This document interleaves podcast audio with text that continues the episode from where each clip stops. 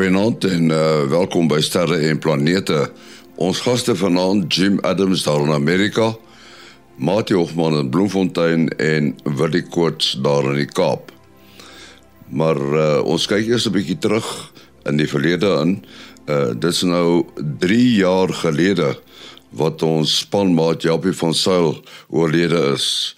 En ek het gedink dit sal dalk 'n goeie idee wees om net so 'n stukkie te speel van sy deelname aan een van ons programme waar hy gesels oor Insight. Die Insight projek uh, Japie het julle baie nou daarmee te maak. Ja nee, dis uh, dis een van my projekte hier by JPL. So ons het baie baie nou saam met dit geleef die laaste 2 jaar hierso. Vertel ons meer daarvan. Insight is 'n is 'n interessante uh, uh sending na Mars toe. Hy hy gaan na Mars toe omdat dit die uh mees uh, uh die maklikste plek is om na toe te gaan om die volgende teorie te probeer toets. Soos wat planete vorm, as hulle groot genoeg raak, dan sink hierdie wat uh, radioaktiewe materiaal uh, na die middel van die van die uh, planete toe en as gevolg van die hitte wat hulle vir, uh, uitstraal dan uh, vorm dit 'n vloeibare kern in die binnekant van die planete. Dis ten minste hoe die teorie werk. En die groot vraag nou is uh na 'n sekere tyd stol hierdie vloeibare kerns van die planete dalk. En uh so uh ons gaan nou gaan na Mars toe met Insight Insight het verskriklike sensitiewe seismometers op hom en hy het ook 'n boor so is is basies 'n pen wat ons gaan inhamer in die grond in. Uh so 5 meter in die grond inhamer. En dan wat hy die by die seismometers gaan ons probeer kyk of daar dieselfde goed soos aardbewings so so Marsbewing sal ek maar sê op Mars voorkom en hoe gereeld dit gebeur. Want uh as dit 'n vloeibare kern het, dan vir sal 'n mens verwag dat daar uh wel sulke marsbewing moet uh, plaasvind. En dan met die pen wat ons in die grond inslaan, gaan ons dan kyk wat is die hitte wat van die binnekant van die um planeet af uitstraal. Uh uitvloei na die buitekant, sal ek maar sê. Weerens as jy 'n 'n vloeibare kern het, dan verwag jy dat daar 'n redelike vloei van hitte van die binnekant van die planeet af na buitekant toe moet gebeur. Yes, Jim, it was quite interesting to listen to uh, Japie von Sayer again. I think uh, a lot of listeners will remember van Zyl, who died very suddenly. And uh, interesting uh, for me, Jim, is that you get these names that they give to spots and objects on Mars. Who does that? Because we have the Van Overlook. Uh, that's coupled to the uh, Ingenuity helicopter. But there are other spots as well, Jezero and so on. Who gives those names? Yeah, so that's a really interesting question. And of course, um, I knew him as Jacob, but now know him as Japie. Um, he died three years ago, and um, he had a big hand in the Ingenuity helicopter, the development of the Ingenuity helicopter. So it was a great honor when um, Perseverance landed and um, decided to set up a uh, a spot to watch the first flight of the Ingenuity helicopter. That they named that spot Van Zyl Overlook. I think um, that was a pretty classy thing to do. You can imagine as we move around Mars, we need to know where we're at. And of course, there's no GPS. So everything is done by dead reckoning. This rock formation and that rock formation. And so everything needs a name the IAU governs has really strict guidelines on how um, objects in the solar system are named, and those are like for big things like asteroids and new stars that are found and black holes and, and that sort of thing. Um, just tell but, the listeners what is the IAU? Uh, the IAU, International Astronomical Union. It's a group okay. of um, scientists that get together once every three years um, to reveal new astronomical findings as well as deal with astronomical policy. And interestingly enough, as long as we're on this aside, in um, August of next year, 2024, the IAU will meet in Cape Town. So Um, so that'll be kind of interesting. There'll be lots of science activity um, next year for South Africa. Anyway, but that process is arduous and it takes a while. And so, what the Mars team did was they divided up the region that either Curiosity or Perseverance was going to explore into a grid. And in that grid, they selected themes, and it could be like national parks, it could be volcanoes around the world, it could be um, uh, interesting um, rock formations on Earth, or it could be even the names of small towns here in the United States or elsewhere. And so each of these grids has uh, a list that's been put together of names that they can use so that the next time they find something of interest that they want to use as a landmark, they just take from the top of the list.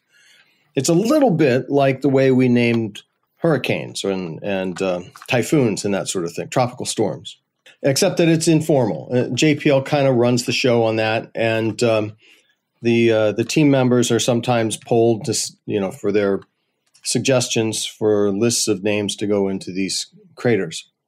Sometimes they're named after uh, unique aspects of the site. Like there's one rock formation that's kind of long and slender and striped, and um, they they named it Bacon Rock because it looked like a slice of bacon.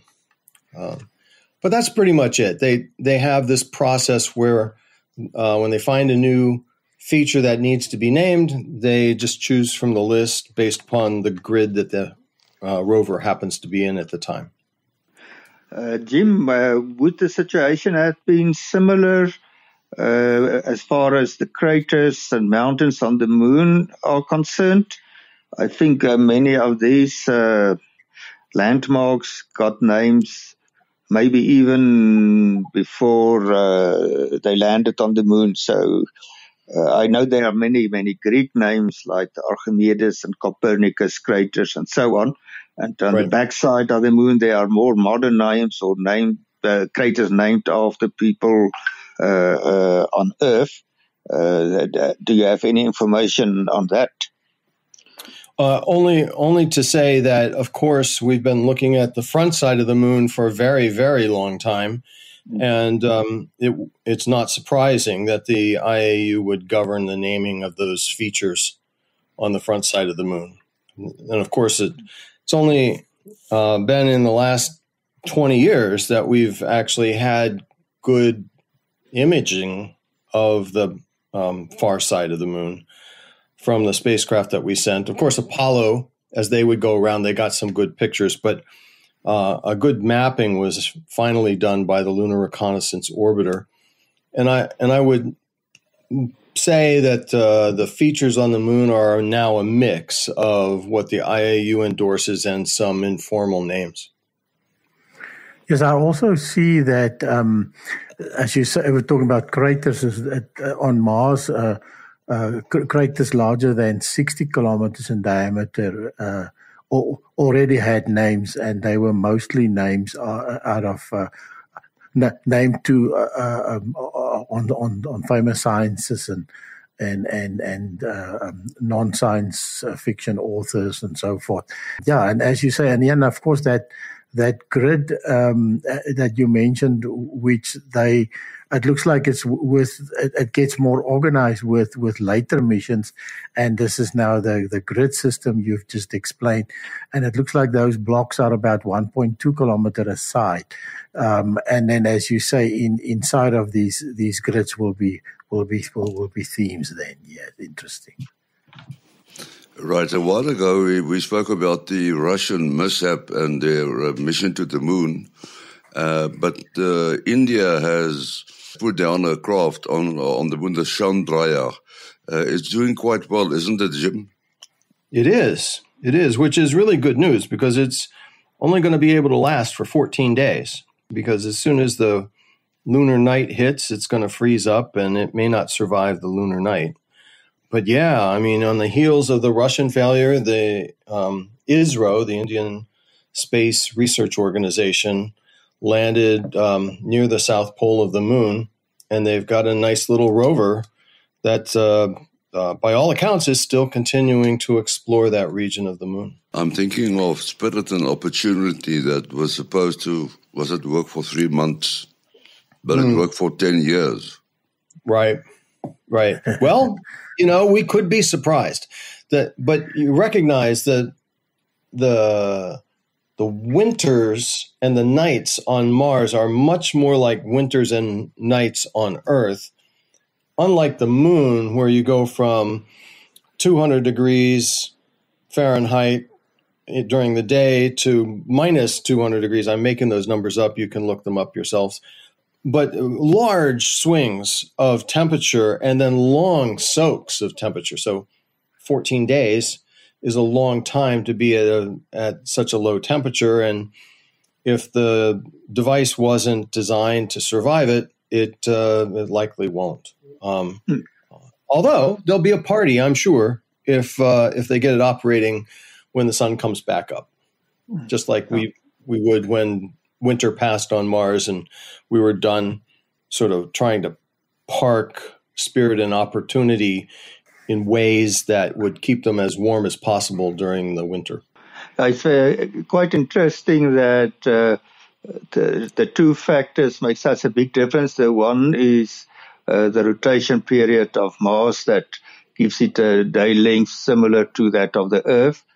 Then also that it does have a thin atmosphere, even though it's even uh, uh only 1% of the Earth's atmosphere in uh, density. But probably the biggest factor uh, in this case is the rotation period, so that uh, the sunlight is more evenly distributed and with a short gap uh, in between. It's like with Mercury also with a big contrast between the temperature on the sun side and the, the opposite side, which is in darkness for uh, for many many months or many days. I can't remember the the day length on Mercury, but it is very very long in terms of Earth days. Uh, 80, 88 days, I think. That that's right? right yes. Yeah. Or maybe that's yeah. a year. Maybe maybe that's a year on so, of course, if you had to design a craft to survive the two-week lunar night, uh, you must definitely go go um, a nuclear, isn't it? I mean, there's it, it, as you say, it, it gets very cold, and then towards the South Pole is already cold. So now, now it's even more cold. Yeah, or you have to find spots that are high enough that they don't get shadowed during the nighttime. So very close to the South Pole or the North Pole, um, very high overlook altitude kind of thing. And then they would mostly be, they wouldn't go dark. They would be still getting some solar input um, during the nighttime. So because shadowed regions rather than than dark.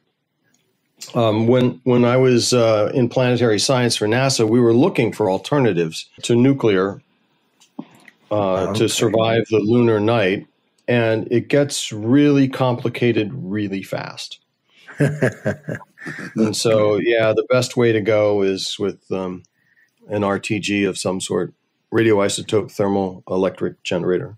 Most of our listeners know what the lithium battery is with the solar panels and things that are quite commonplace now in South Africa. Well, what kind of batteries do they have on, on a craft like that? Is it also lithium? Yeah, boy, the, the dawn of the lithium battery was embraced by the space community as quickly as we could qualify them. we had been using nickel cadmium, and those babies you'd have to just like treat with uh, kit gloves, you know, you couldn't discharge them too fast. Every 90 days, you had to run them a recharge cycle to assure that you know the the memory discharge memory didn't get up too high, and um, so lithium batteries uh, and all the variants of lithium uh, have been like fantastic for the space exploration, especially also because the energy density in lithium batteries is much higher than it was in nickel cadmium. Just, just to come back uh, again to Mercury, um, I just checked up so that we can give the right information. You were correct about Mercury's year. That's 88 Earth days. And then uh, uh, Mercury's day is 59 Earth days. So there's not such a big difference between the length of a day on Mercury and the length of the year. Well, it's less than a factor of two uh, difference. So, uh, well, it's totally, it's a factor of 365 uh, on Earth. Uh, let's do a small little quiz. Mercury and Neptune they're close to one another. Is that right or wrong?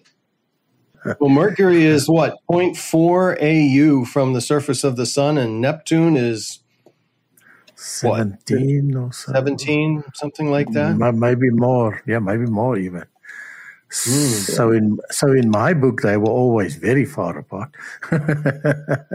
yeah, but the, uh, the the interesting thing is that well, we all uh, learned with this picture that we can see in our minds of the sun and then the line of planets uh, in a straight line Mercury, Venus, Earth, uh, Mars, Jupiter, Saturn, Uranus, Neptune, and those of us uh, who are old enough, we add Pluto at the end.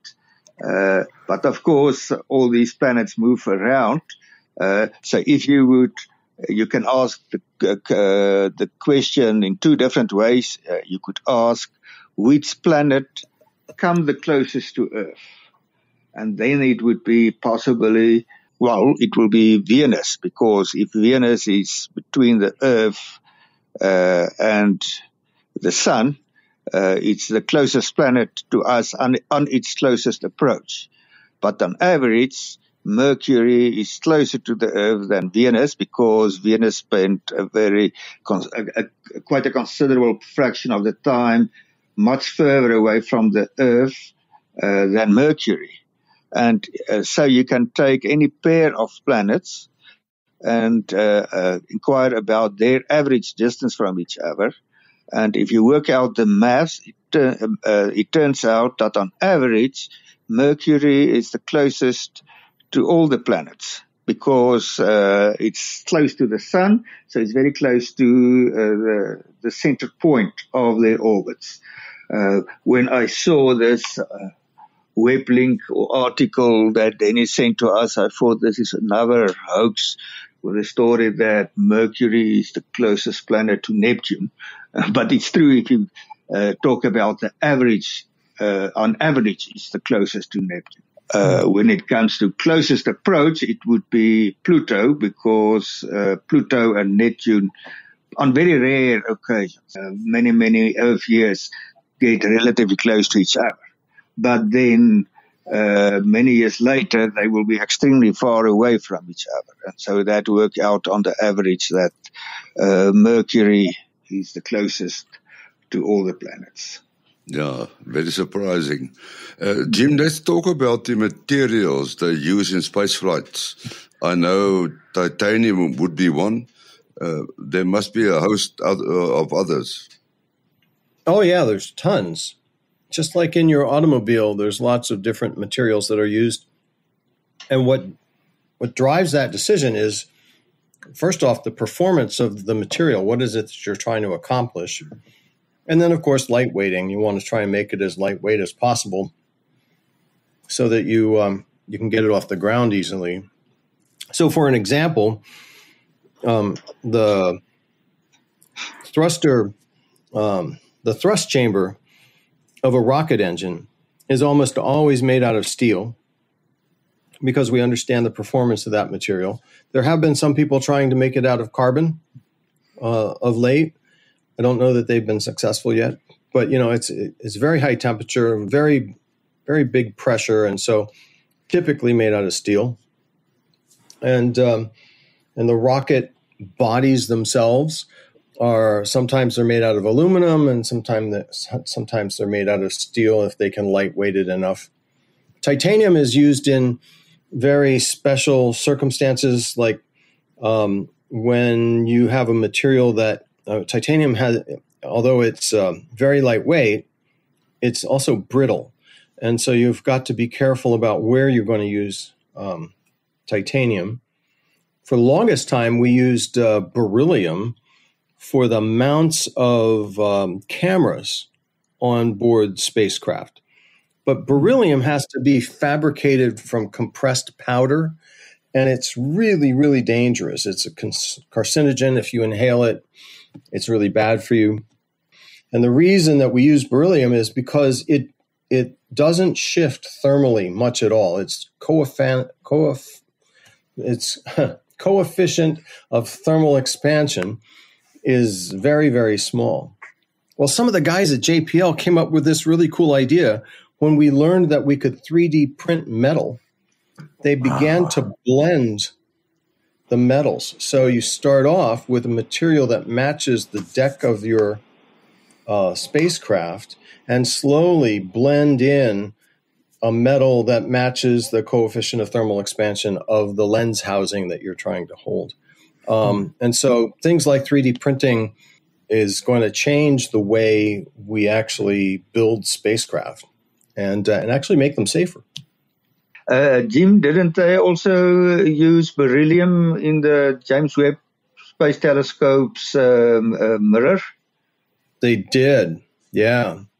Yeah, they did because it's so lightweight. Yeah. Right. And it's, also then for the thermal stability. Right. And for thermal yeah. stability. Because you across a so those mirror segments were what like a meter or 1.2 meters something like that and uh, across the from edge to edge you don't want that mirror to shift really much at all not not even a, a quarter of a wavelength um, would be acceptable so um, they have to make sure that it doesn't shift, and so they used beryllium for that, and then they put the the gold coating on top of it with I'm sure other coatings as well. Hmm.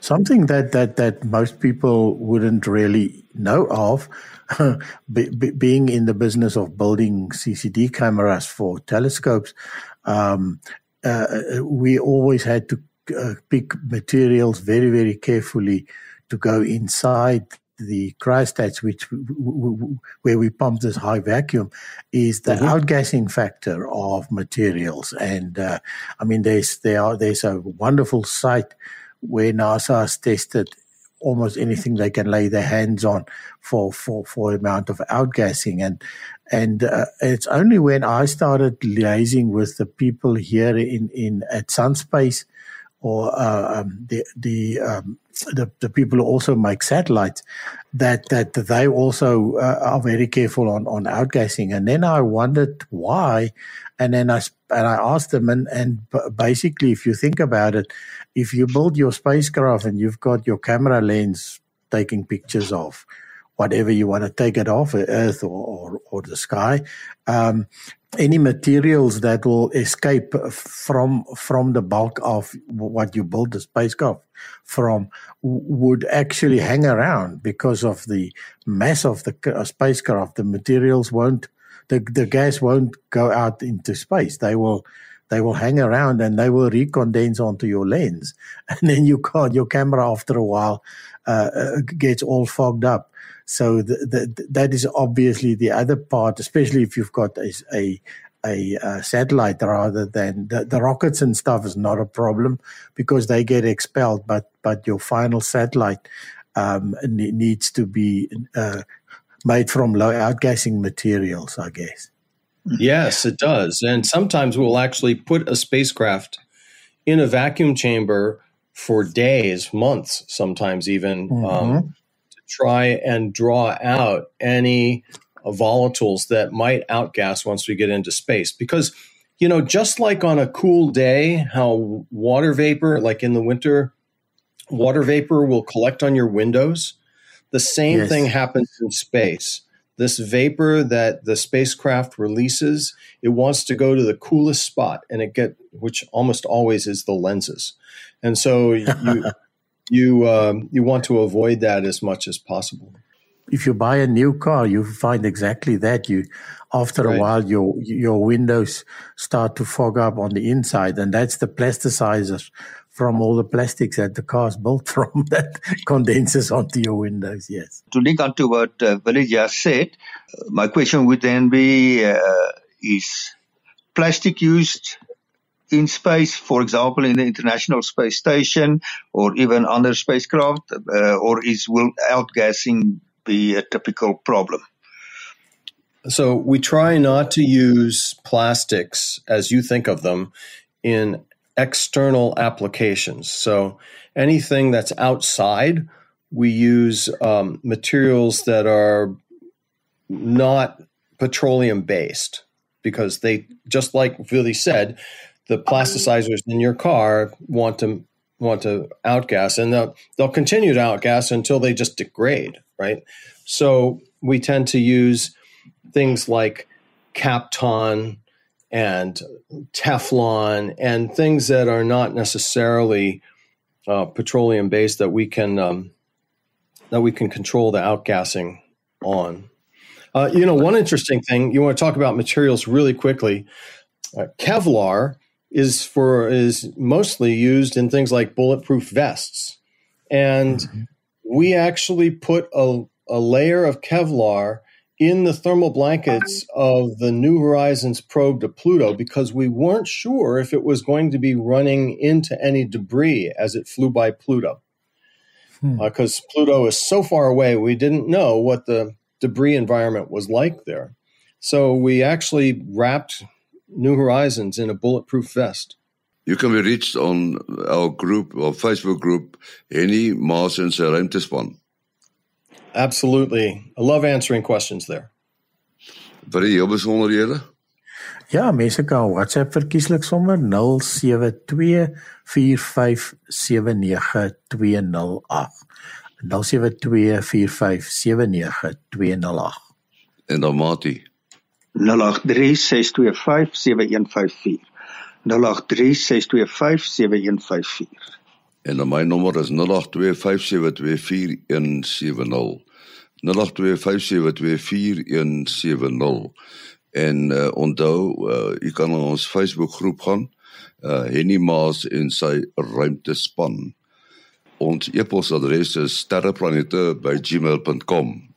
sterreplanete@gmail.com. Tot die volgende keer. Alles van die beste.